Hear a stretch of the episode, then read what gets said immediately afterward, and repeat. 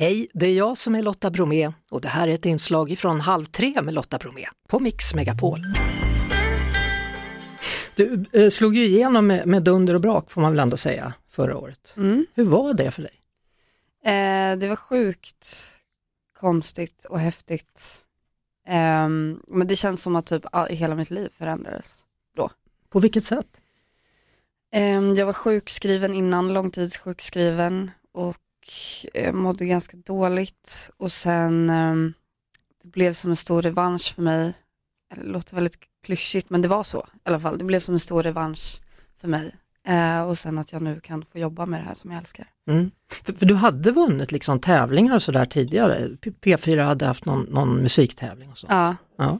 Så, så det var ju inte helt nytt från en dag till en annan. Du hade ju fått framgångar innan men inte kanske i den här storleken. Nej, precis. Inte så att det kom till att jag kan jobba med det. Och, ja, men, Ja. Va, va, Erik, vad gör du? du? Håller du på med hunden här? Jag vill att jag ska jobba också.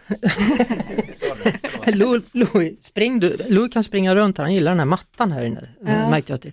Eh, eh, men vad heter det, ändå då, så är du ju väldigt modig när du går med i Melodifestivalen eftersom du väljer att sjunga den sången som du valde att sjunga. mm. Ja, behöver inte dig idag. Den handlar ju om en tidigare relation. Ja, exakt.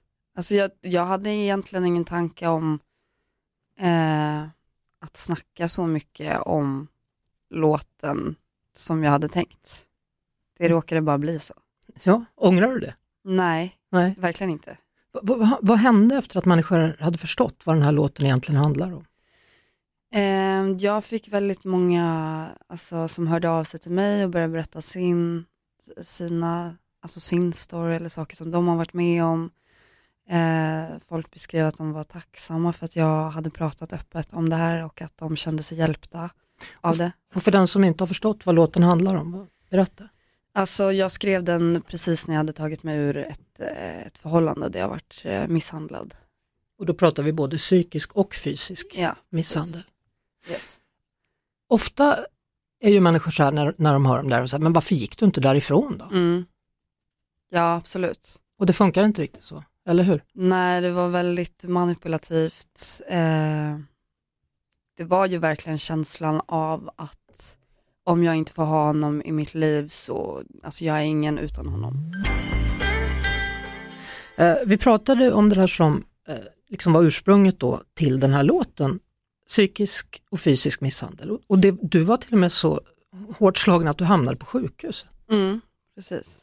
Vad var dina tankar då när du låg där? Ehm, jag var väldigt ambivalent. Alltså å ena sidan så minns jag att jag var väldigt rädd när det här skedde och att jag tänkte att så här, kommer jag dö nu? Eh, men å andra sidan så eh, tänkte jag också, hade jag fått för mig någonstans att så här, han har räddat mitt liv. Alltså det var så konstiga grejer som pågick i mitt huvud. På vilket Ja. sätt hade han räddat ditt liv? För att han hade ringt Ja. efter en ambulans eller? Ja, typ. Ja, Eh, det var knepigt. mm, Du, du, har kallat det för att han kapade ditt, din hjärna. ja, det var verkligen så det kändes. Ja. Men du kommer ju därifrån då, eh, Mm. mycket med hjälp av din syster har jag förstått, eller? Eh, med min syster och min mamma och liksom hela familjen. Men min, eh, min eh, syster åkte och hämtade mig och sen så körde hon mig till, till båten och sen till, Mm. fick jag åka till Gotland. Hur skönt var det då? Men jag satt ju och grät hela vägen och jag minns att jag tog massa lugnande tabletter på båten för jag var så här, jag kan inte känna, jag vill inte känna någonting. Eller så här, ja. Mm. Och det är riktigt dåligt och eh, stängde in mig hemma hos mamma och slutade äta mat. Och, Och då skulle du dö av det då? Svälta ihjäl dig? ja, det Ja. kommer jag ihåg att jag tänkte då. Sen så var, gick det några dagar och jag eh, vet inte riktigt vad det var för någonting men alltså några dagar innan den här misshandeln skedde så ehm, hade jag en, en session med Bobby Ljunggren och David Lindgren Zacharias där vi hade gjort melodin på den här Behöver inte dig idag. Mm. Och så lyssnade jag på, på den och sen gick jag in och skrev texten. Mm. Måste varit så skönt. Ja, det kom ur ganska mycket liksom, ilska och känslor. Men sen vet jag också att just där och då så kände jag inte det, jag behöver inte det idag, jag kände inte det. Så att jag kändes som att jag nästan ljög. Eller att jag försökte övertala mig själv till någonting. Ja, men alltså för varje gång du sjunger måste den ju sätta sig. Liksom. Ja, det är exakt så det har varit. Ja, och så står du upp och, Ja. och går vidare. Ja, och det var verkligen det som slog mig i Melodifestivalen när jag sjöng den, att då liksom med tid och med hjälp från folk runt omkring mig och att jag hade gått och pratat hos kvinnojour så kunde jag känna det som jag sjöng i låten på riktigt. Eh, nu är det ny musik på gång då. Då har du hittat ett samarbete med, eh, berätta själv. Med eh, Marcus eh, Svedén och eh, Rymdpojken. Eh, Och Lancelot Hedman. exakt. Hur träffades ni? Eh, Lancelot. Mm. Via hans pappa som har en podd som jag var med i. Eh, och sen så lärde jag och Lance känna varandra. Vad pratar man om i den podden? Det var, den hette Beroendepodden. Okej, för, för du var, var du alkoholist? Eller? Eh, jag har varit i drogmissbruk. Okej. Även varit med beroende. Eh, Men, men vad grejer du har fått ta dig ur liksom?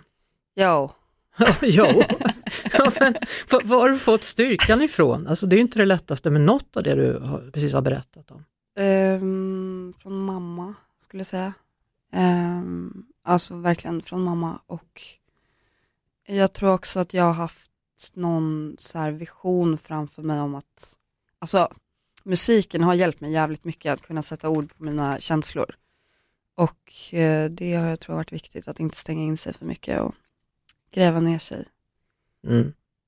Eh, vad är det som gör att du och, Lancelot funkar så bra ihop då? Eh, vi eh, har väldigt lätt, eller så här, vi har lite liknande, Bakgrund? ja precis. Han har ju också pratat om, om sitt beroende och så. Ja. Eh, och det har varit, eh, ja, men det har bara funkat bra. Han är en Mm. fin kille. Du, alltså vad händer nu då?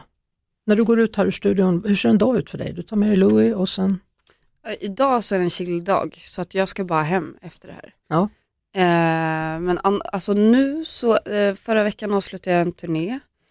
Eh, så nu så ska jag bara in och skriva massa musik. Så massa sessions. hur, hur funkar du? Liksom, bestämmer du det? Jag går upp tio, idag ska jag sitta och skriva. Eller är du en sån som väntar och tror att det kommer liksom så här bara? Nej men jag bokar in. Du bokar Massa. in? Ja. Ja. Det måste man göra kanske. Ja, sen är det, alltså idag skulle jag haft en session, men jag orkade inte det. Nej. För att jag kunde inte sova i natt. Men du orkar komma hit i alla fall, det var Ja. gulligt. Ja. Stort tack för att du tog dig hit. Tack. Jag hoppas vi ses igen. Ja. Det var det. Vi hörs såklart igen på Mix Megapol varje eftermiddag vid halv tre. Ett poddtips från Podplay. I fallen jag aldrig glömmer djupdyker Hasse Aro i arbetet bakom några av Sveriges mest uppseendeväckande brottsutredningar. Går vi in med hemlig telefonavlyssning och, och då upplever vi att vi får en total förändring av hans beteende. Vad är det som händer nu? Vem är det som läcker? Och så säger han att jag är kriminell, jag har varit kriminell i hela mitt liv men att mörda ett barn, där går min gräns. Nya säsongen av Fallen jag aldrig glömmer på Podplay.